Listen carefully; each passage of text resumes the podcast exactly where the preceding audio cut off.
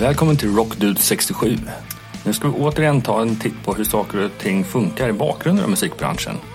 Branschen har ju stått inför en massiv förändring de senaste 20 åren och framförallt de senaste 10 åren så har de olika digitala plattformarna tagit mer plats. Samma sak gäller ju marknadsföring, där nästan till allting sker digitalt idag. Både via streamingplattformar men även kopplingar via sociala medier och bloggar och så vidare.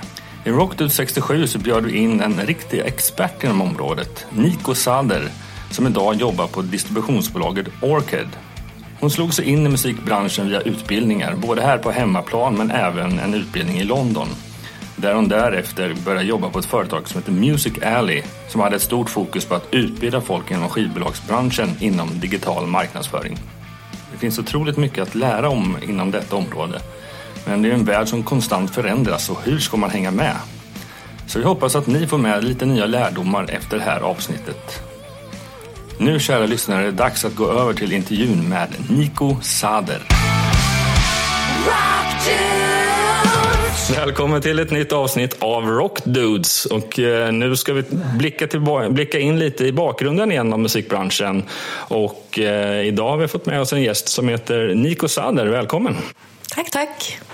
Ja. Berätta lite om dig först och främst. Hur gammal är du? Vem det är? Och Oj, vad... väldigt så här. Hur gammal är jag? Wow. Hur länge har du varit i branschen? Eh, nej, men jag har jobbat eh, sex år nu. Och började jobba egentligen med musik i London. Så jag har precis flyttat tillbaka från London.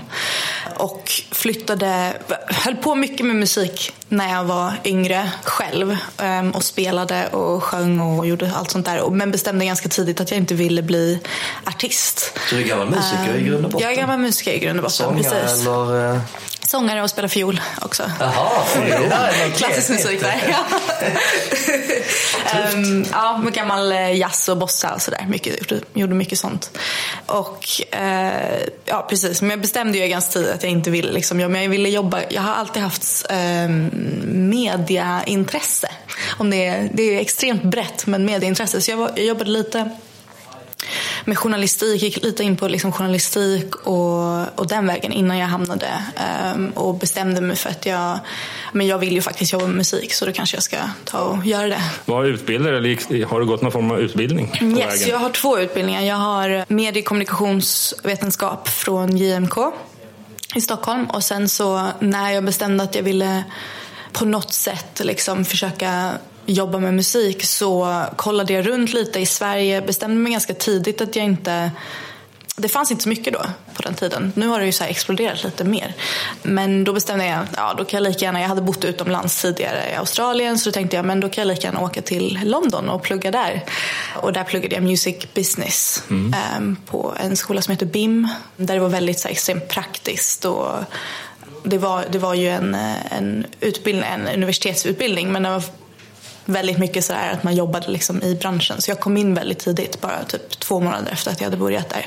Så började jag jobba på ett företag som eh, heter Music Ally som är så digital, digital marketing specialist. Du ingen praktik eller sånt där innan eller du fick jobb direkt efter utbildningen? Ja, utan, när jag började, så det var inte efter utbildningen utan jag jobbade hela, under hela min utbildning egentligen. Så jag började som praktikant efter två månader och sen så eh, sa jag till dem att jag kan inte vara praktikant längre utan nu måste ni börja betala mig. Och då fick jag betalt. Så att jag jobbade egentligen, jag jobbade ungefär tre dagar i veckan Eh, med Music Ally och pluggade också under hela min utbildning. Då. Vilket var extremt bra i form av att alltså, jag kunde hoppa in på en gång efter min utbildning och börja jobba och kände mig inte som liksom en rookie utan jag visste exakt hur branschen funkade. Och, men det var kanske inte någonting som jag skulle rekommendera till alla för att eh, det, man kör ju slut på sig själv. Jag vill gå tillbaka till den här utbildningen. Ehm, hur går man tillväga för att gå på en utbildning i, i England? Alltså, kan man söka Ja. CSN här i Sverige? Eller? Ja, ja men det kan man göra. Ehm, vilket är jättebra. Man kan, man kan få eh, CSN för studiestödet eller vad det heter, lån liksom för att betala hur, så mycket som skolan skulle kosta eftersom att vi inte betalar för universitet här. Så det täcker de och sen så får man ju också det vanliga liksom. Men London är ju väldigt dyrt så att de flesta som jag känner som har pluggat på något sätt liksom utomlands i London måste också stödja det med att jobba. Dels att komma in i sig, är det baserat på betyg eller personliga möten i, London? Eller Det var, min var lite... Det var faktiskt helt olika. Jag tror att de har väldigt mycket mer strukturerat nu för några av dem skär till sig lite. Men min var, det var så roligt för nu när jag pratar med alla personer som gick i min samma klass, vi var första klassen som var music business på, på den tiden, så har alla haft så helt olika erfarenheter. Så det är någon som har haft så extremt typ svåra så här, intagningsprov, de fick komma in och typ, ja, men de fick skriva så här, en jäkla uppsats om vad de visste om musikbranschen och bla bla bla och allt sånt där. Och sen var det någon som bara, nej vadå, jag sökte bara. Och jag bestämde Även fast det var liksom fokuserat i mitt huvud så bestämde jag egentligen att jag ville gå på den skolan typ tre veckor innan jag flyttade till London. Det, kan, ja, alltså det var verkligen så här extrem. Eh, jag visste liksom att jag skulle iväg men det var, jag hade ingen aning om vad jag skulle göra. Så det var verkligen så här hux flux. Hittade, eh, gud jag kommer inte ihåg men du vet såna här Um, det var typ någonting som heter Blueberry kanske. Mm. Det känns eh, bekant som, had, som har kontakt med skolor utomlands. Um, så de sa till vad jag behövde göra och då gick de på mina gymnasiebetyg. Så man var tvungen att skicka in gymnasiebetyg självklart. Och sen så fick jag skriva om mig själv och mina egna erfarenheter. Vad jag har gjort inom musik och sådär. Och hur jag ser musikbranschen utvecklas i framtiden. Um, och det var egentligen bara en uppsats. De allra flesta hade intervjuer men på något konstigt sätt så... Um... Så slapp du det eller? Ja precis, jag slapp det. Jag bara kom in. Jag vet inte om det var bra eller dåligt. En eh, utländsk eller? Ja, eller så tror jag att det var för att det var så sent. Um, att de bara, nej men vi tar in henne, testar. Vi har en plats kvar här. Vi... ja, klassen, i, klassen i sig då, är det främst eh, engelsktalande personer som bor där som går eller det är utländska också? Det var det. väldigt olika. Min eh, skolan var extremt bra för att vi hade, det var folk som äh, hade sina instrument också som mm. liksom gick in, ja, att man har liksom gitarr eller trummor. Så att det var bara musiker och sen så var det liksom produktion, sång, äh, låtskrivare och music business. Så att där hittar man redan där får man liksom massa folk som man kan jobba med och um, ha kul och liksom hålla koll på och sådär. Men eh, inom min klass specifikt så var det kanske 50% engelsmän och sen så var det, ja men jag har Italien, Schweiz, eh, det var en annan svensk. Ja, jag tror att det var fransk i början, så det var mycket sådär. Hur fick du nys om det med tanke på att det här var första kullen? Utbildningen i sig? Ja, Utbildningen i sig var väldigt, vi var liksom försökskaniner lite så. Så det var både gott och ont. Eh, jag tror att det var bra för att vi fick säga vad vi behövde. Men eh, jag tror också att det var mycket annat som de liksom har hittat sen. För vi, vi har faktiskt fått komma tillbaka och mm. säga hur vi skulle vilja att det utvecklades för de andra som kommer in. Den var tre år, så jag har, tre, jag har två kandidatutbildningar. Det är ganska lång utbildning om man jämför med Sverige. De brukar ligga på två år för mig. Ja, precis. Och, det var, och jag tycker att det var lite för långt. Så att man kan ta ner. Men det är för att det är en universitetsutbildning. Och inte en uh, eh, YH-utbildning kanske som, det, som man skulle ha här på två år. Så utmaningen är först att uh, ta sig till England och uh, se till så att man blir inskriven på skolan. Nästa steg är då typ, okej, okay, var bor jag någonstans? Jag vet. Det var verkligen... Det, eller? Alltså, det var så random. Jag vet att de hade en grupp och sådär som folk typ kunde så här, men de flesta hade redan bestämt vem de skulle bo med när jag eh, hade bestämt mig för att flytta. Så det var väldigt, det var väldigt roligt. Jag började chatta med någon så kille som typ så här, bara ah, jag såg att du också skulle börja på typ BIM. Så, här, vi kanske ska, så, här. så jag började så här, prata ihop mig med lite folk. Eh, men sen så fick jag reda på att jag hade pluggat eh, del av min utbildning på mediekommunikation. Min eh, var också att jag läste internationella relationer som jag hade valt liksom, som på sidan av. Och då hade jag läst med en, en annan tjej som skulle åka till London och plugga på SOAS och göra sin master. Och vi var kompisar sedan tidigare så då tänkte jag, fan vad bra, då kan vi ju hooka upp där. Så det var jätte, ja, det var så perfekt. Ja. Alltså det var verkligen slumpen. Det var perfekt. Och vi tog liksom typ första lägenheten som man fick. För att det finns, vid den tiden, typ september, oktober, så är alla lägenheter upptagna för att alla bra Alltså, alla har flyttat dit och vet liksom. Men bor, man, bor man i student, studentområde så att säga? Nej, Nej, utan BIM har inte det. Um, det har du normalt om du skulle plugga på ett annat liksom, klassiskt universitet. Men där får man fixa liksom själv. Så alla bor ju med liksom, Liksom någon på skolan egentligen. Det var jag som inte... Och sen var jag lite äldre för att jag redan hade pluggat och jag hade haft ett break egentligen och, och jobbat eh, mina dagar på... Jag kommer alltid ta upp Ikea. Men mina, mina dagar på Ikea. um, som, um, um, som jag älskade. Men jag det, så jag var lite något äldre än alla andra. Så jag kände liksom inte att... Jag var extremt fokuserad från början, vilket var därför jag kunde liksom jobba också.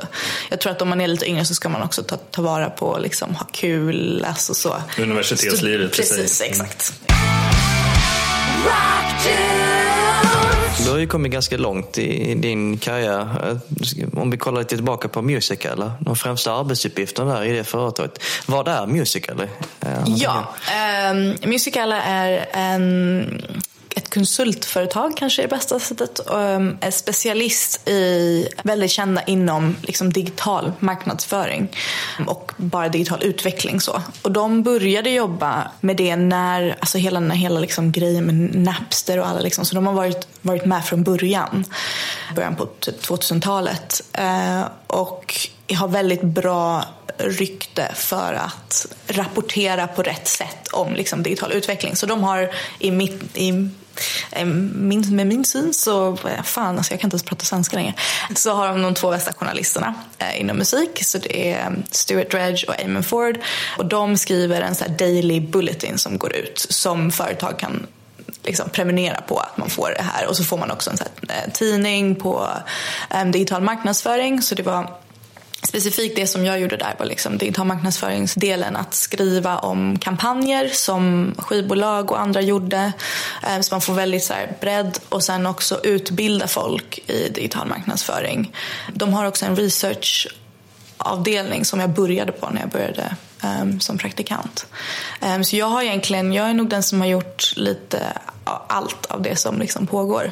Och sen har de ju också events. Så vi hade det första Music Ally eventet, eh, awards, och nu har det utvecklats ehm, till olika så här, digital marknadsföringsevent och liksom lite olika grejer både i New York och London.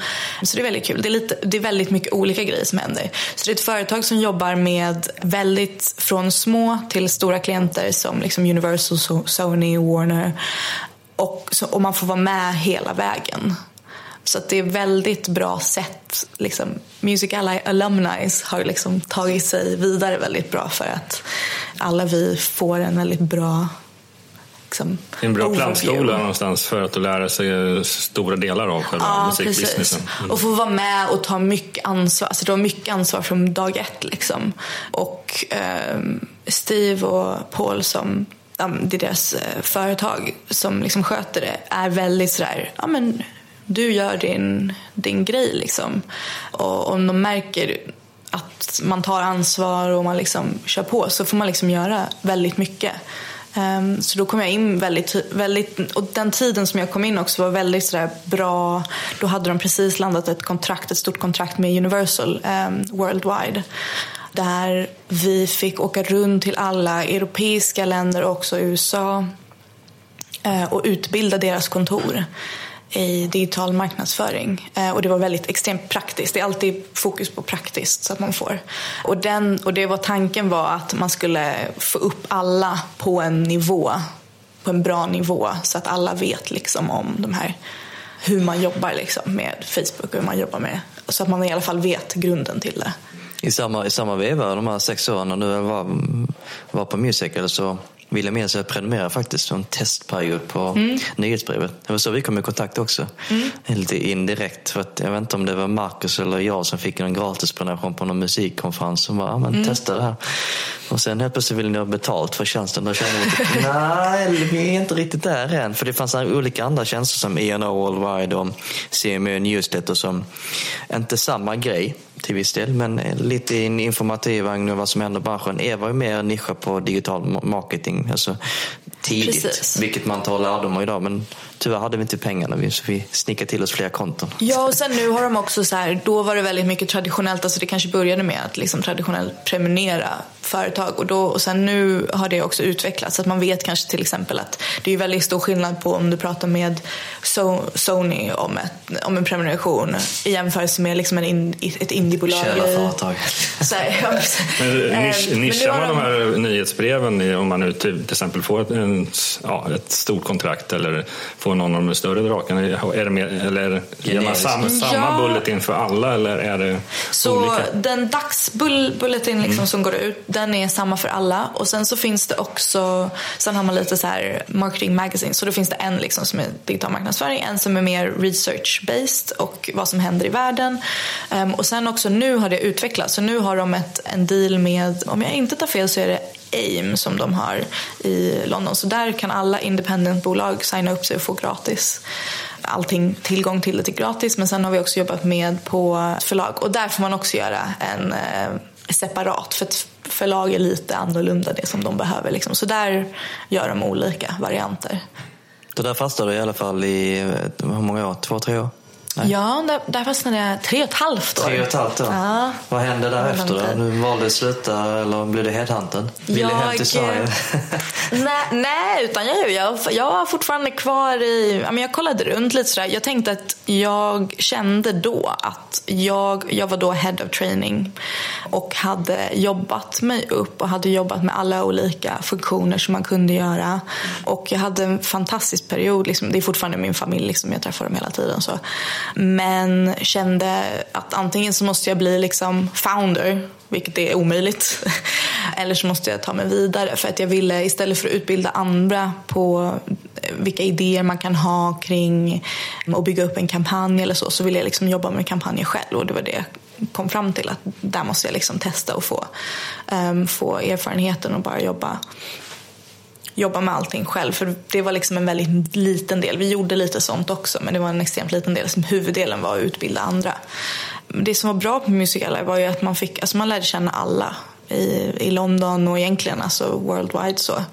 Och um, då lärde jag känna Emily, eller Emilie, på uh, The Orchard. Och uh, vi umgicks lite liksom då och då, sågs lite då och då. Och hon eh, nämnde någon gång sådär, men ska du inte komma över och jobba för oss så får du jobba med nordiska kampanjer, du får jobba med nordiska bolag och um, jobba med svensk musik och så. Förklara Orchard är för någonting för våra lyssnare. Ja, Orchard är distributionsföretag, aggregator, distribution, både film och eh, musik. Film är bara i Nordamerika. Och vi jobbar, det är egentligen någonting som man säger, den del som jag jobbar med, digital marknadsföring, är kanske inte någonting som traditionellt sett när en distributör kom ut som erbjöds. Utan då var det mycket att här har du en plattform som gör så att när du laddar upp din musik på den här plattformen så går den till Spotify eller iTunes eller vad du nu vill att du vill att det ska gå. Och nu har det utvecklats mycket, mycket mer. Så att nu finns det massa servicer som man kan få kring det. Så att en artist behöver inte möjligtvis signa till, ja man kan jobba med distributörer direkt till exempel utan skivbolag eller så kan också skivbolag jobba med distributörer men också få liksom all hjälp utanför. Och vi det jobbar bara med independent bolag som kanske inte har ett designteam, de kanske inte har liksom eh, annonseringsteam eller folk som är digitala experter och så. Så det är mycket där jag kommer in, att det är lite label service heter det egentligen.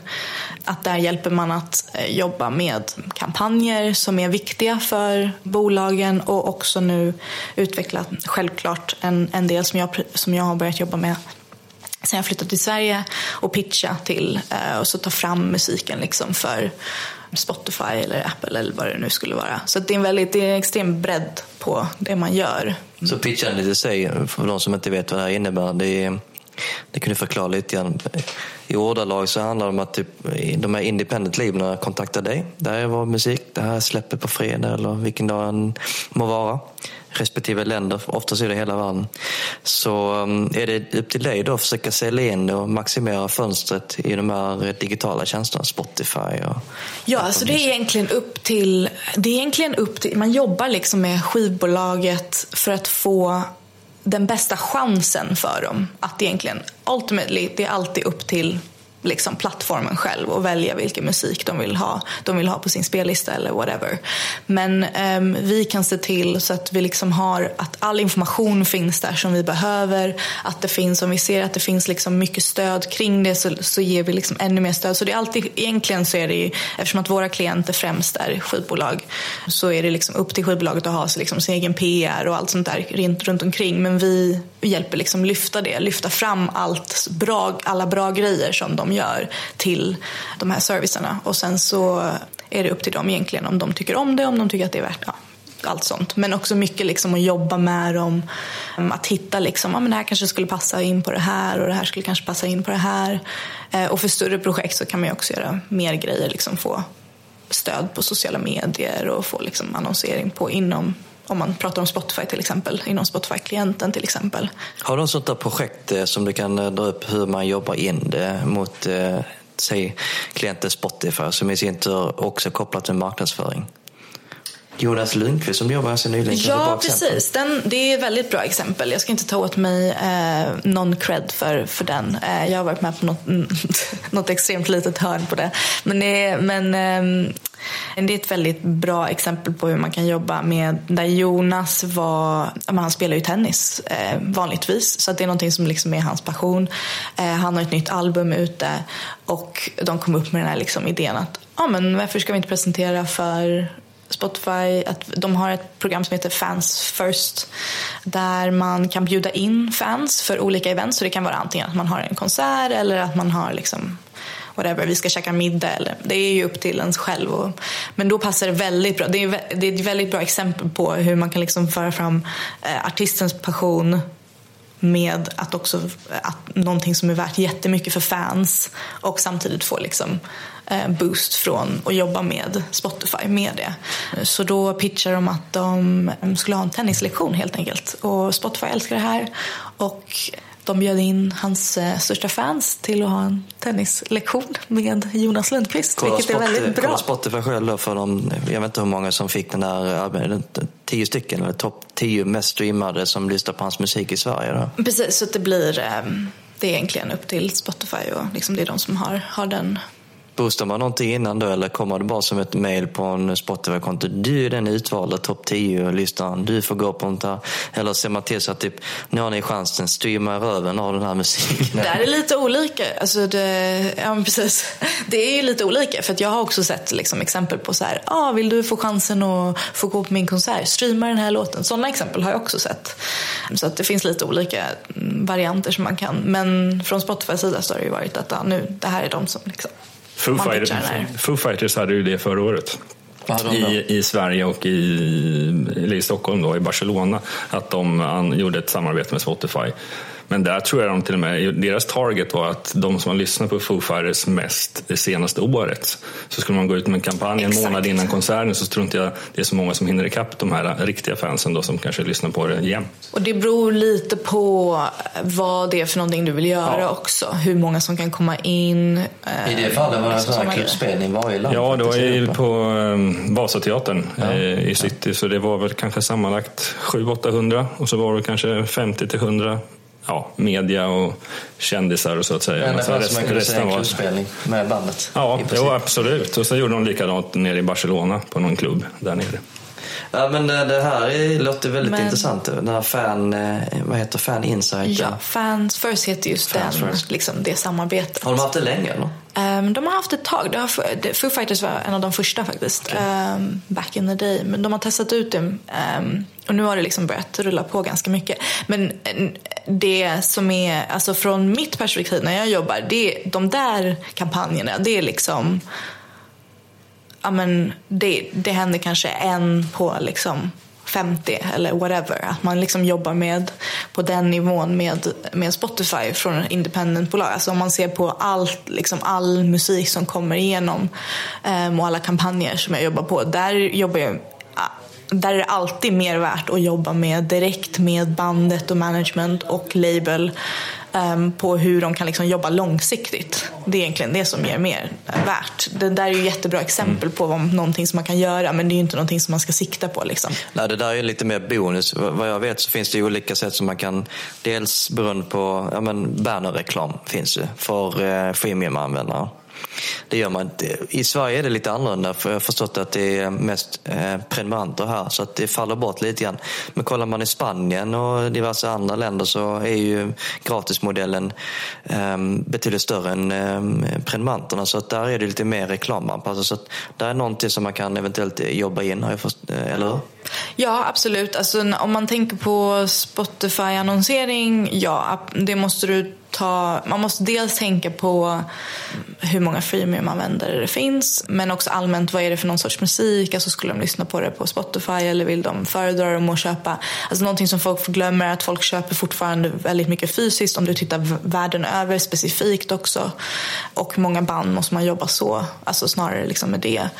Och det betyder inte att man glömmer bort streaming men att då kanske du liksom väljer att formulera, alltså planera din kampanj annorlunda. Men jag tror också, det där är ju också sånt som är liksom annonsering. Jag tror att den annonsering, absolut, spara det liksom till dina liksom viktiga happenings eller händelser som, som händer i kampanjen. Eh, men långsiktigt så vill du ju jobba på att du liksom får fram, alltså som att du har, det är egentligen fansen som du ska jobba med jobba på att få en bra kommunikation med fans egentligen. Och det sånt tar ju liksom lång tid att bygga upp. Men att man vet om sitt eget branding, vad man står för och varför fans tycker om en. Uh, och alltid liksom tänka på det först. Det tycker jag är mycket, mycket mer värt. Precis det du säger, det handlar om branding för band. Om man tar ett band till exempel.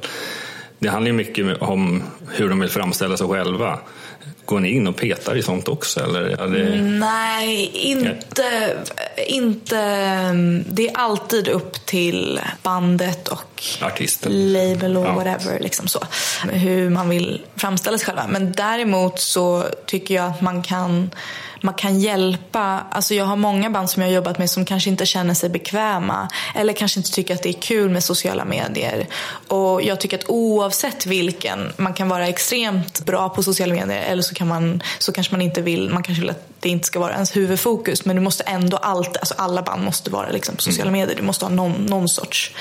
Um, och där handlar det om att kanske prata med bandet så att de förstår de kanske vet vad de står för men de aldrig har liksom formulerat det eller liksom tänkt hur man strategiskt sett ska faktiskt planera den här den här kampanjen, den här musiken som vi vill ge ut. Så det är mycket sånt som jag ser. Liksom, de har fokuserat på det kreativa och jag hjälper dem att förstå sig på liksom, hur det här fungerar och göra makes more sense. För det finns så mycket också. Folk blir alltid så panik, eh, alltså de får panik av att det finns så många olika plattformar som man kan jobba med och allt sånt där också.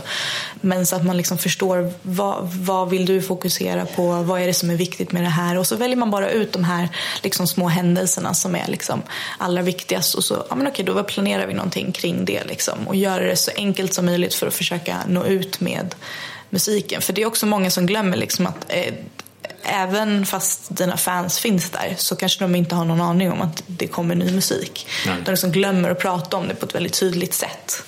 Men också emellan dem, så om du har till exempel, nu börjar jag babbla på, men ja, om, du, om du har till exempel att ny, du vet att ny musik kommer, kommer ut, men emellan där så ska du bygga upp liksom att du har, att det, det är egentligen en relation som du har med någon över en mycket längre tid. Det är inte som att du kan släppa någonting varje, ja, men typ varannat år och sen så ska du inte så bara så säger du bara saker ja, under de tiden? Ingenting liksom, under två år och sen kommer du tillbaka. Liksom, det funkar inte riktigt så.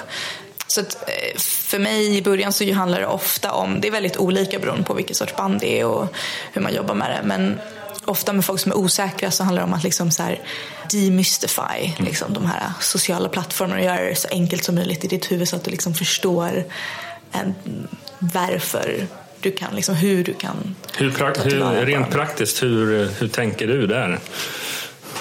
Hur utbildar du? För det handlar lite om utbildning också antagligen. Ja, precis. Och där har jag ju mycket med mig från mina Music Ally Days. Mm. Eh, så där är det mycket liksom att jag fokuserar på att få fram hur plattformen fungerar och vad den är till för egentligen. Alltså, vi är där, musik är här. Vi, vi tävlar egentligen inte, artister tävlar inte liksom nödvändigtvis med varandra. Nej. Om jag är ett fan av eh, ett specifik artist betyder inte det att jag inte köper liksom den andra, det andra bandets musik. Det är inte som fotboll eller sport ja, men där precis. man håller på ett men lag vi tävlar, Ja, men jag tycker å andra sidan så tycker jag att där är det liksom vi tävlar om attention från fans för att de till exempel de kanske vill titta på fotboll, alltså liksom med andra grejer. Så att det är liksom sport och andra sorters nöjen eh, snarare. Så, och där är det mycket att man, man får tänka på vad som passar på olika plattformar. En, en typisk sån här grej är till exempel att om man pratar om annonsering till exempel att man kan annonsera på, på Youtube så kollar man både på korta klipp och man kollar på långa klipp och man kan gå tillbaka och du behöver inte titta på någonting liksom på en gång. Um, nu kanske det här håller på att förändras med Facebooks video. Mm, um, kanske det. Ja, precis. Man får se. Men Facebook har ju traditionellt sett till exempel varit extremt sådär att man tittar på en grej alltså under en dag och sen byts, byts all information. Så om du då annonserar samma annonsering i sju dagar så funkar inte det. För att jag är van över att allting annat ska förändras. Man får liksom tänka på hur man passar in i in the environment, om man säger, i miljön. Liksom. Mm. Eh, Medan Twitter till exempel, då dör någonting liksom efter en kvart. Så då blir liksom, så det är mycket liksom sådana delar som man får tänka på. Och nu för tiden så har de blivit, alla de plattformarna har ju blivit extremt viktiga. Att man svarar mycket och att man pratar liksom med sina fans. Mm. Men tidigare kanske det inte var lika mycket att man behövde liksom... Ja, helst få dem att kommentera och prata tillbaka också. Ja, men precis kommunicera, mm. ja. Mm. Och, och, och ärligt liksom. Att det inte, det är inte bara någon så här marketingploj.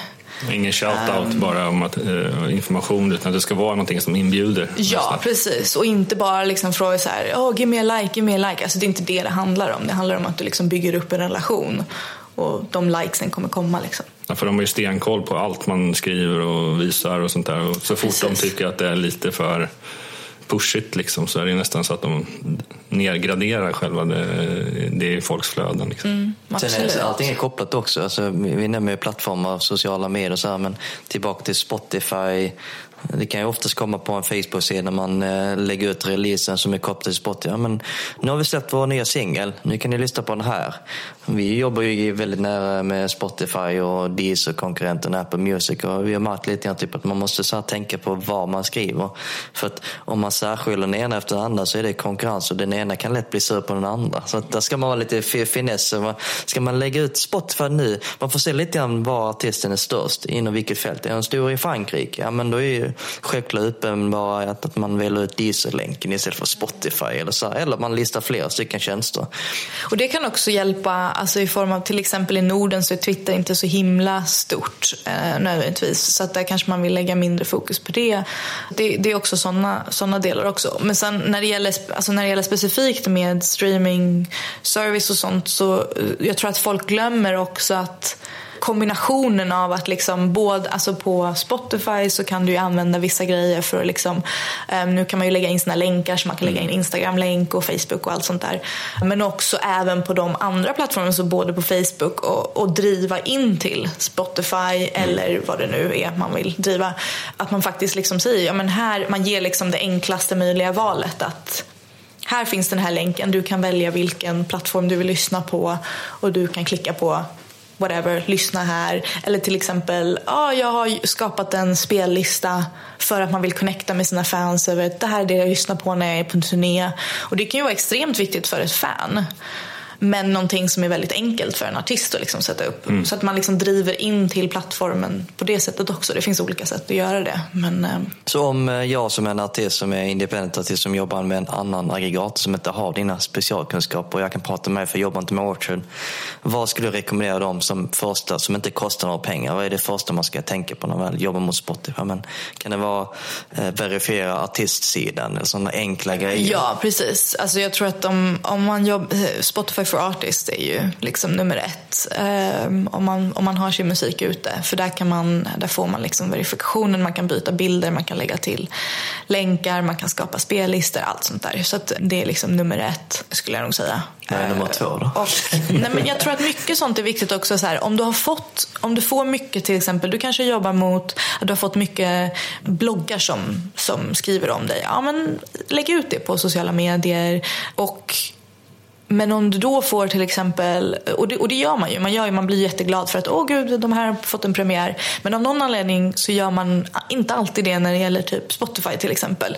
Men om man, varit med på, om man får med, får med på en spellista så får man ju också liksom se till att nämna det också. Mm. Så att det är hela, ja, man får se det nästan som, liksom en annan, som en till outlet. Liksom. Det finns ju andra grejer också. Alltså, eh, folk tänker på det med Spotify, en egen Facebook-sida som är ganska stor. Så man i princip bara kontaktar redaktionerna. Men jag har ny musik som släpps på Spotify.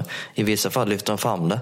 Om det är något riktigt hett. Och där kan man ju få folk som hittar från Facebook-sidan direkt till, jag tror de kan ha en Twitter-sida också. Men det gäller, sånt här kostar inte pengar. Nej. Så att det gäller att vara smart. Sen finns det andra grejer som jag vet, ett homepage takeover. Det får du förklara jättegärna vad det är för något. Um, det är egentligen den här stora bannen som man ser när man kommer in på Spotify. Ja, alltså nu, nu, nu, vi pratar ju väldigt mycket om så Spotify. Det är svårt att säga. Um, det är ju Sverige så det är Ja, precis. Men jag tycker också att det är svårt. Mm, jag tycker inte att ens enda fokus. Jag vill komma tillbaka till det här med så här fokusera på att bygga upp. Och det är en längre liksom, grej, det tar längre tid. Men om du spelar live till exempel, att du ser till att de som kommer till dina shows också har liksom, är att du pratar med dem online. Liksom. Alltså man bygger upp relationer med sina fans och då kommer de här, den här supporten från Spotify kommer komma om du har byggt upp så att du vet att du har liksom, ja, men jag har alla de här personerna som lyssnar på min musik redan. Ja, does that make sense? Mm, jag vet inte. Does, does. Så det handlar lite om att någonstans på vägen måste man bestämma sig i hur mycket Alltså, vilka mål har man som band såklart, men hur mycket tid? För allt sånt här tar ju tid och det ska helst göras av fri vilja och med glädje någonstans. Men man måste bestämma sig för hur mycket tid man vill lägga ner på det. Ja, absolut. Tid är, är absolut nummer ett. Men där finns det ju också, det finns liksom stöd där ute. Och jag tycker att man ska ta om det finns det, så om man har möjlighet att få extra stöd så tycker jag att man ska ta, ta tillvara på det också. Det är ju liksom det jag är till för.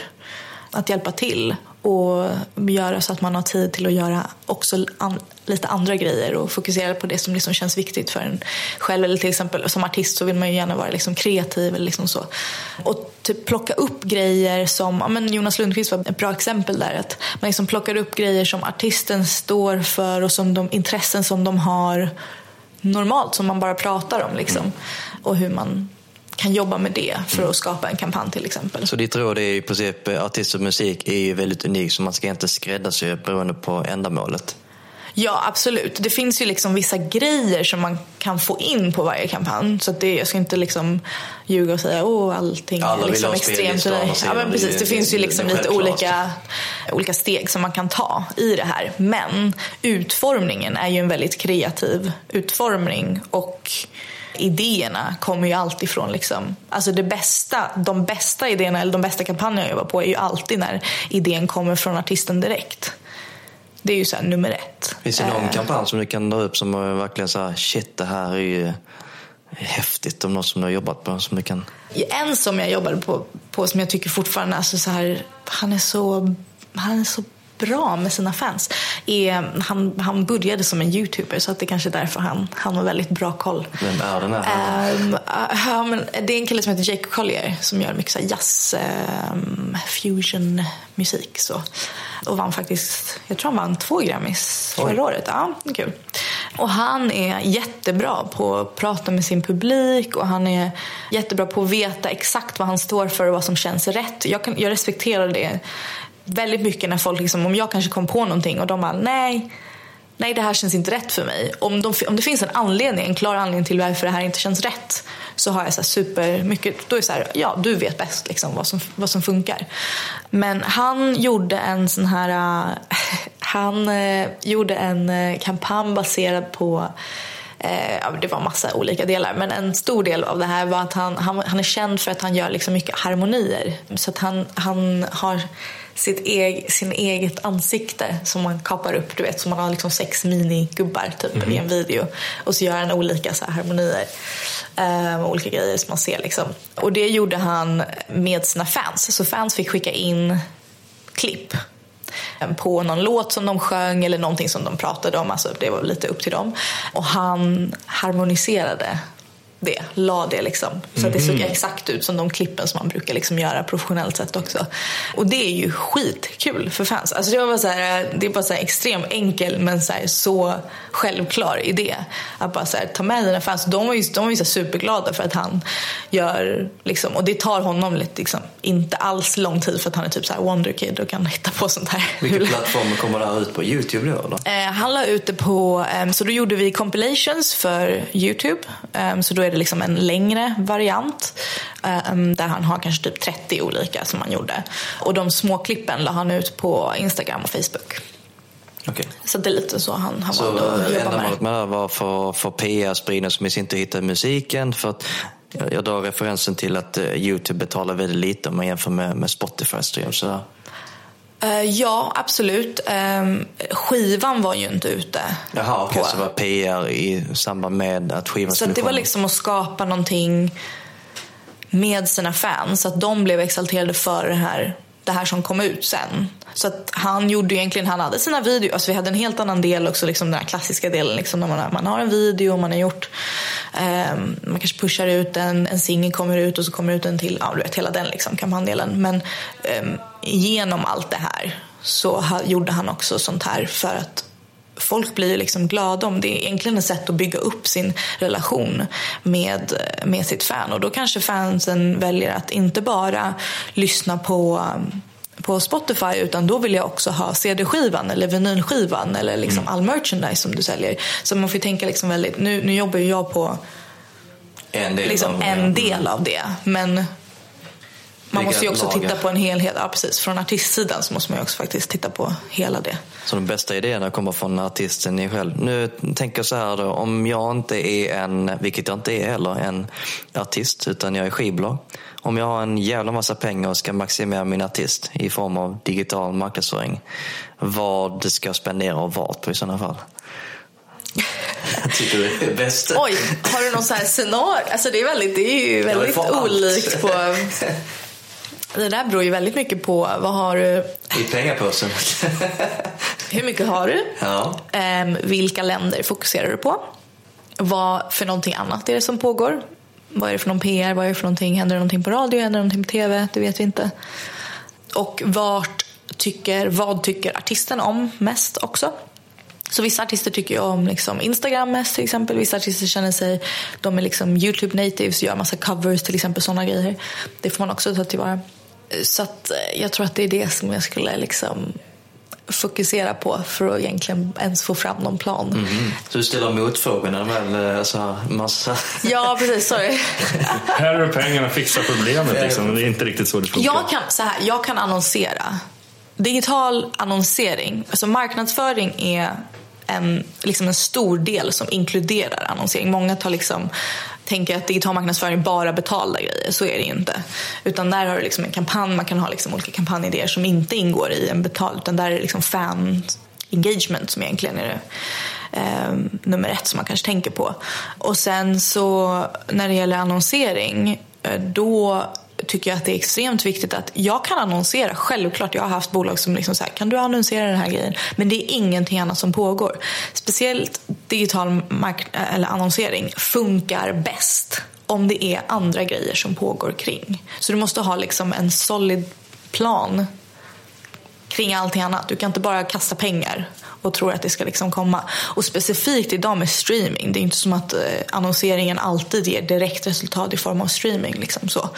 Utan där ser du det mer som så här, du har olika delar i din, i din plan men annonseringen är liksom en del av det stora hela. Så eh, om vi säger så här, om det händer så att en turné är lika som bara recensioner och så plattan kommer ut och så lägger man lite pengar på annonsering. Men har du märkt av det att Spotify är lite med, medvilliga och hjälper till då? Ja, men vi fixar den här spellistan eller vi fixar framsidan för att man investerar pengar i det. Så att de får någonting tillbaka också. Hjälper det till eller oftast av fallen? Jag tycker självklart så hjälper det till för att det hjälper mig när jag pitchar till Spotify. Sen är det alltid upp till deras editorial för att att välja. Liksom man kan inte tvinga, det är inte som att man Nej. kan tvinga någon liksom att ta in någonting på en spellista. Men det hjälper ju att de vet att det finns ett stöd kring planen. Liksom att det finns någon, någon, någon sorts tanke kring vart det här ska gå. Självklart så hjälper det när man, när man liksom pitchar in det men det är absolut ingenting som är ja, till, i slutändan när det gäller spellistor. I slutändan så är det liksom alltid de som bestämmer. Så är det. Men hur mycket skulle du vilja säga typ att personliga relationer är viktigt i det här sammanhanget? Absolut. Musikindustrin allmänt, personliga relationer är alltid viktiga när det gäller, alltså när det gäller både plattformar men också liksom, alltså allting. Det vet ni ju kanske själva. Liksom, när man, man kan få liksom, alltså, om man känner folk så kan man få grejer, kanske ett utbyte. Man kan ha ett utbyte istället för att du behöver inte ha pengar. För att eh, liksom, du kan ha, ja men jag hjälper till med det här och du hjälper till med det där. Där är personliga relationer jätteviktiga. Så jag skulle säga att det är ja, superviktigt. Du har ju pratat mycket om när du var på Music Alley så utbildade du folk inom typ skivbolagsbranschen. Ja. gått över till Orchid och jobbar mer med band och artister. Eh, du har ju också föreläst en del om jag förstått det rätt. Ja, precis. Det är, någonting som, alltså, det är inte någonting som har kommit in eh, medvetet från Nej. min sida. Men de, du har fått uh, förfrågningar om det? Eller? Jag har fått förfrågningar om det. Ja, precis. Folk är väldigt snälla. Vilken ära. Uh, ja, det är en väldigt stor ära. Det är faktiskt väldigt, det är extremt kul. Speciellt föreläsningar på skolor och träffa, liksom, eh, träffa studenter är väldigt roligt. För att man glömmer att Alltså det är så jävla nice att jobba i musikbranschen. Man glömmer liksom vilken drivkraft som finns liksom i hela... Och vi är så, vi är så lyckligt lottade att, att vi får jobba med det som vi tycker om. Liksom. Och det är någonting som kommer fram alltid nästan när man har... Eh, det är roligt att prata med liksom, studenter som är liksom alltid taggade och man vill hjälpa dem. Och, men, jag, nej men jag gör mycket sånt för att också... Alltså det kommer egentligen från att jag typ har hjälpt till. Mm. Eh, att jag hjälper till folk om de frågar mig om hjälp så försöker jag hjälpa dem. Precis. Om, om du nu ändå är ute mycket på skolor och föreläser, vad skulle du säga att är de tre vanligaste frågorna du får ifrån studenter? Um, hur kommer man in i branschen är den vanligaste frågan. Um, gud, vad skulle man... Om, om vi bara börjar där, vad svarar du på den frågan? Jag tror att det inte finns någon direkt väg. Ehm, Men utbildning funkar för dig? Utbildning funkar för mig, absolut. Så här, precis, jag kommer från en sån här, alltså så här, jag känner mig liksom som den här, så här underdog-personen liksom, som har kommit in i musikbranschen. Jag har ing, inga föräldrar som har någon koppling till musik whatsoever. Hade egentligen inga. Min drivkraft kommer från att jag liksom älskar musik och ville jättegärna jobba med det. Och också föra fram personer och någonting som jag fortfarande brinner för, för fram personer som normalt sett inte får jobba i musikbranschen. Eller jag märker av, det håller på att bli betydligt bättre ehm, och det var faktiskt mycket bättre i London för att det är en större bransch men i Sverige specifikt också så har det varit traditionellt så att det är, väldigt, det är en väldigt hög så här, ehm, vad heter det? threshold liksom, mm. för att komma in. Tröskel. Precis, en väldigt hög tröskel för att komma in och man måste liksom känna någon så det är alltid så här, någons son, son eller typ någon så här, du vet eh, kompis. Kusiner, och det är ju absolut ja. inga, alltså det är ju inte för att liksom tacka ner på att man, någon är liksom duktig på det man gör bara för att man råkar vara liksom någon som man känner. Men det gör så att folk som vill komma in och jobba med musik och har andra perspektiv och kommer in med andra tankar eh, kring musik, att det blir svårare att komma in. Och det är någonting som jag tycker är jätteviktigt. Så jag har liksom bara, och för mig då funkade utbildning för att jag kom i kontakt med människor som gav mig en chans. Och det är egentligen, utbildningen är inte utbildningen när det gäller musik. Du behöver inte ha en utbildning för att jobba med musik nödvändigtvis. Det som har varit bra är att jag får, har fått en översikt över hela musikbranschen så att, och jag fick tid för att utforska olika grejer som man kanske inte skulle ha tid med när man jobbar. Men den främsta eh, delen har ju varit att komma i kontakt med folk. Jo men så är det ju det är lite så jag eh, jobbar ju själv med en tidning och sådär och ibland får man ju samma fråga själv. Eh, men jag skulle också säga att framförallt alla vi som jobbar i bakgrunden eh, har egentligen en stark drivkraft av att hjälpa andra att komma, komma framåt. Liksom. Till skillnad från en artist, den ska ju vara mer upfront. Här kommer jag, jag är bäst. Eller vad du mm. säga, liksom. Så det är helt olika vinklar. För ibland så kommer människor in som jobbar i bakgrunden som har ett ego själv. Det är mm. klart att någon form av ego är väl bra i vissa situationer men man vill ju drivas fram för att hjälpa andra. Ja, men precis. Och sen kommer man någonstans ifrån. Alltså, jag menar, alla har väl sin egen liksom, drivkraft men jag, jag kommer alltid från um, jag drivs av att, liksom, att folk får vara ärliga mot sig själva. Min, det kanske inte alltid gör så att man får exakt den kampanjen som jag ville ville utforma för att jag tänker på ett annat sätt än vad en artist eh, tänker. Men att jag hjälper, precis som du säger, att man hjälper liksom, artisterna komma från steg ett till två i alla fall. Eller då har man kommit till steg ett och ett halvt. Ja, man, precis, man Ja, framförallt i ditt fall, du är ju en expert inom ditt område. Det är inte, jag är expert, jag jobbar normalt sett inom IT-branschen, det är mitt dagliga jobb det är klart att jag, jag är expert inom mina områden. Men jag får göra så mycket annat också. För att det, för att det är det man behöver och man får inte alltid göra det man själv vill heller. Liksom. Men, men du har hela paletten. Jag tror att det visar sig också så här, om du, om du pratar med folk i, i branschen så gör de alltid mer än en sak. Och ja, det ja. tror jag är också så en så här tydlig grej, att man, typ, att man verkligen tycker om det man gör och att man drivs av att liksom, jobba på sina egna projekt. Fram, framförallt här i Sverige. Ja, det, det, är verkligen så. Framförallt här i Sverige, där är ju den så kallade ankdammen ganska liten. Väldigt. Eh, ja, det, märkt, alla det har jag märkt alla, liksom. ganska snabbt. Sådär. Mm. När du väl kom tillbaka från utbildningen i England och, och jobbade allting och sen tillbaka så märkte du skillnaden? Absolut. Alltså, eftersom det har gått många år, men på vilket sätt har det förändrats?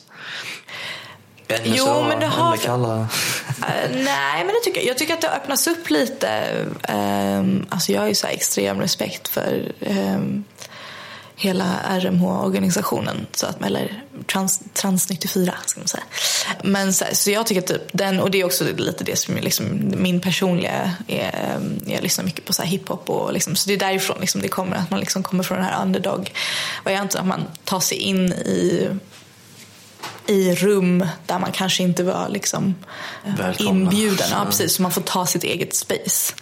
Och det ser jag också i, det såg jag i London, alltså under den tiden som jag var där så utvecklades det liksom också. Och sen har det ju varit mycket nu med jäm, jämställdhetsfrågor um, som har varit extremt viktiga. Och det är bara jättebra att det förs fram ännu mer. Det har väl alltid varit liksom, jag skrev min eh, C-uppsats om kvinnor i musikbranschen, det här var ett tag sedan. Men då, alltså bara sen dess så har det liksom förändrats jättemycket, vilket är jätteroligt att se. Men jag tror att det fortfarande är, till exempel för kvinnor liksom i högre uppsatta positioner, att där är det också en hög tröskel för att komma in. Så det behövs jättemycket att folk liksom pushar och jag tror att det finns organisationer där nu som har liksom startats under de senaste åren som är extremt viktiga för att vi kommer kunna se att det, är en förändring i liksom framtiden. Vi är på väg. Liksom. Mm. Så jag vill gärna vara hoppfull att det, alla de liksom grejer som vi ser nu, att vi är inne i en så viktig tid där man kommer se liksom någonting som kommer ut Alltså musikbranschen är um, hälsosam för tillfället nu när streaming picks upp allting. Men jag har sett en liten trend att det finns inte tillräckligt jobb för uh, de som utbildar sig. Så till och med typ uh, vissa former av universitetsutbildningar läggs ner. För att hela anledningen till att det finns är för att det ska skapas jobb och förutsättningar. Mm. Så det är fler som utbildar sig som inte får jobb. Vilket gör att det, det blir ansträngt på allting runt omkring. Mm. Har någon erfarenhet av det? Här? Att inte... Um, Nej men alltså man jämför, för, jag kan säga lite från min tid när jag började så fanns inga utbildningar och nu finns det mm. betydligt mer. Men att den trenden har nått sin peak så att det blir färre nu. Att det går ner lite grann. Ja, alltså jag tycker att det är väldigt många utbildningar nu när jag kom tillbaka och upptäckte att det var extremt många utbildningar i Sverige som jag inte hade som jag inte var medveten om. Jag, tycker, jag tyckte bara att det var så roligt för det blir ju, alltså det är en annan sorts entreprenör när man pratar om entreprenörskap. Folk kan ju liksom skapa sina egna bolag och, och gå in så man behöver inte bli anställd eh, nödvändigtvis. Kontakter, så att, ja. ja. men så att där, liksom, där finns det ju jättemycket. Men sen eh, från min egen erfarenhet, alltså från min BIM-klass är ju kanske att 50 procent, kanske mindre, lite, något mindre än 50 procent nu, jobbar med musik inom musikbranschen. Ja, det är ändå en ganska stor procent. Uh, ja, då är vi ändå liksom, men då är vi ganska lyck, alltså så, i form av klass. Alltså att det var ganska många som, men det var också för att det var en, eh, några som var äldre som kanske visste i London så är det lite annorlunda för att folk börjar liksom plugga, eller i England allmänt, folk börjar plugga när de är typ 18 automatiskt utan att de vet vad de vill. Så då kanske man går en utbildning och sen så behöver man inte jobba med det. Liksom. Det är ju inga konstigheter. Alltså musikbranschen är ju väldigt, det finns, dels är det ju väldigt många olika delar. Men dels alltså också den är ju nära connectad till både mediebranschen, entertainment, alltså så här, jobba med events i allmänhet. Så att det är inte som att du måste jobba med musik bara för att du plugga musik. Utan... Det, precis, det är där jag tror entreprenörskapet blir än viktigare om man nu går, vill gå den här vägen och vill satsa på det. Att man får vara väldigt bred eh, i, i början för att jobba med allting. Jag, jag kan dra lite parallell till alla vi tre som sitter här på det här bordet. Jag vet ju bara av att sitta och prata med ungefär vad du gör. Jag skulle inte säga att jag är en expert, men jag har lite grundläggande kunskap. Likaså Jonas, du vet väl mycket väl hur man bedriver skivbolag, för du har snappat upp lite efter ett jobb med en tidning. Och ja, jag har, väl, jag har väl lärt mig och lyssnat på det att jag ska aldrig starta ett skivbolag. ja, men jag brukar inte säga att den bästa, den bästa kontakten är egentligen kunskapen. Mm. Alltså, det finns ju jättemycket så på Youtube, men hur startar jag ett skivbolag? Hur eh, får jag in musik på en spellista? Kunskapen finns där ute, det gäller bara att man ska snappa till sig. De här över 10 000 timmar så blir blir man expert till slut. Om man verkligen går in för det. Och sen också så här, förändra, det förändras konstant. Allting är alltid i konstant förändring. Du behöver inte vara orolig för att någon annan, alltså speciellt nu, folk som kommer in nu, alltså det är ju jättestor chans för studenter som kommer in nu att de kommer in med liksom kunskaper som, eftersom att det förändras så himla snabbt, att folk inte hänger med när de liksom är sina van Och sen också så här, egentligen, vi kan prata om regler, liksom. det finns inga regler, du kan göra det på ditt eget sätt. Liksom. Och, Ja, testa din egen grejer. väg. Liksom. Ja, precis. precis. Det är inte som att det finns någon så här jäkla, det här är standardversionen. Det, det är ju det som är också så här bra, alltså är så fint liksom med vår bransch. Att det, finns ingen standardversion på vad som funkar. Liksom. Jag vill avsluta den här fina intervjun med en, en sista fråga. Det är jag känner att jag varit extremt seriös. Framtiden och trender. Framtiden och trender. Vad är det man ska hålla koll på? Musik eller allting runt omkring? Har du sett uh, någonting och dela med dig. Så. Ska jag prata om digitala trender? Nej, så, var, men du kan börja med det. Mm, ja. Ser ja. trender? För, för, det jag är lite nyfiken på är just bara ett exempel. Vi behöver inte prata just specifikt om det, men det är just att det fanns en tid för ett tag sedan där verkligen nyhetsbrev, bara det, det gamla hederliga mm. sättet, det var ju totalt förbjudet. Liksom. Det var ingen som ville ha skräp i sin, låda, i sin mailbox. Men idag är det nästan lite den den kanalen håller på att öppna sig lite mer nu tycker jag. Ja, absolut. Och eh, Sverige har traditionellt sett varit lite sämre på det eh, än andra länder har jag märkt. Eh, så att, jag vet inte varför folk har helt ignorerat det men det är ju definitivt den billigaste, om man säger billigaste, liksom, eh, billigaste och bästa sättet att och, och egentligen nå ut till sina fans och de fansen som har de har ju signat upp sig så att ja. de vill ju veta mer. Så att ja, säga. Exakt. Sen behöver man nödvändigtvis inte idag så behöver det inte vara kanske ett mail. Om du jobbar med yngre människor så kanske du vill ha liksom, ja, men, du kanske vill ha deras telefonnummer istället mm. och skicka ut liksom, sådana eh, grupp chats. Liksom så så att sånt där är ju sånt man kan hålla koll på lite om man är intresserad av så här messenger bots och lite sådana ja, exakt. Jaha, det är, ja, jag prenumererar på Dagens Media, jag har gjort jättelänge. Men de Sen helt plötsligt så tackar jag bara ja till någonting utan att riktigt förstå. Men de, där är en sån där bot som mm. Nyhetsbrevet kommer via ett Facebook-meddelande. Är det en del av eh, digital marketing kanske som är på gång också utöver? Som inte kostar pengar? Ja, men alltså för Kina har haft så ganska lång tid. De har haft en ehm, en app där de har, sen är deras setup lite annorlunda så det är kanske därför det har funkat. Men där har man ju kunnat typ så här, du kan beställa mat, du kan beställa taxi, du kan um, köpa allting i samma app. Um, så det är lite så det går. Men det är också för att vi sitter på våra telefoner himla uh, hela tiden. Så att ett meddelande, jag måste säga själv att eh, jag kanske är mer positivt inställd till mail som jag får snarare än liksom jag får hela tiden så här, såna här meddelanden. Så att det där är lite olika på vad man tycker själv. Man, det är ju enklare att ignorera ett meddelande på något sätt. Eller kanske lika, hittills lika har vi nästan när det gäller sociala medier som har nu typ funnits i tio år. Ja, man har, man har anammat allting som har kommit den vägen. Men någonstans så tror jag att nu börjar nog människor komma fatta sig själva och kanske vill bestämma vilka, vilka kanaler de vill prenumerera information ja, på. Precis, och exakt. Det, det och jag tror att så länge man inte, alltså det som är viktigt här är att man inte bara för att du har typ Låt oss säga att du har tusen personer på din maillista. Och bara för att du har tusen personer på din maillista betyder inte att du ska spamma dem typ var tredje dag med massa olika information. Utan där är det så här, och där är det också med, vi pratar ju liksom lite om så här, vad som är typ socialt acceptabelt på olika mm. plattformar. Att mail är folk kanske inte vana vid att få varje dag nödvändigtvis. Om det är liksom någonting som man har signat upp sig på för att man är intresserad av. Då kanske man får spara alla sina uppdateringar och skicka max en gång i veckan. Ja. Mm, så det där är lite så olika. Och, medan när det gäller typ om du skickar ut ett meddelande, då kanske inte du vill ha ett meddelande som är så här 100 rader långt, Nej. utan då kanske man snarare vill ha några. Så det är mycket så här logiskt bara så här, vad föredrar du liksom? att Ja, få? exakt. Hur föredrar du får få? bara tänka på sig själv. Eh, Med det sagt så vill vi tacka Nico för att du eh, ställde upp på den här. Vi har lärt oss jättemycket. Har ni? Ja, bra. Vara lite Tack så jättemycket för att jag har fått komma och vara här. Tack så mycket. Tack, tack. Tack. Tack för att du har lyssnat på Rockdude 67 som den här gången gästades av Nico Sader som jobbar med digital marknadsföring på distributionsbolaget Orchard. Det är verkligen kul när så erfarna människor vill dela med sig sina erfarenheter till oss andra, eller hur? Glöm glömmer inte bort att följa oss på sociala medier som Facebook, Instagram, Youtube och Twitter. Sök på Rockdudespodden. Skriv gärna lite vad du tycker och tänker om just det här avsnittet. Eller vad du tycker om vår podcast. Vi vill gärna även få in tips på framtida gäster inom musik, film, teater eller andra som är kulturellt aktiva till våra framtida avsnitt av Rockdudes. Vignetten spelades in av Jonas Hermansson, Peter Månsson och Mia Coolhart. Programmet spelades in och redigerades av Jonas Löv. Jag vill tacka just er för att ni har lyssnat på Rockdudes 67 med mig Jonas Löv och Ömer Akai. Nästa avsnitt, Rockdude 68, släpps om en vecka och då ska vi prata om skivbolag.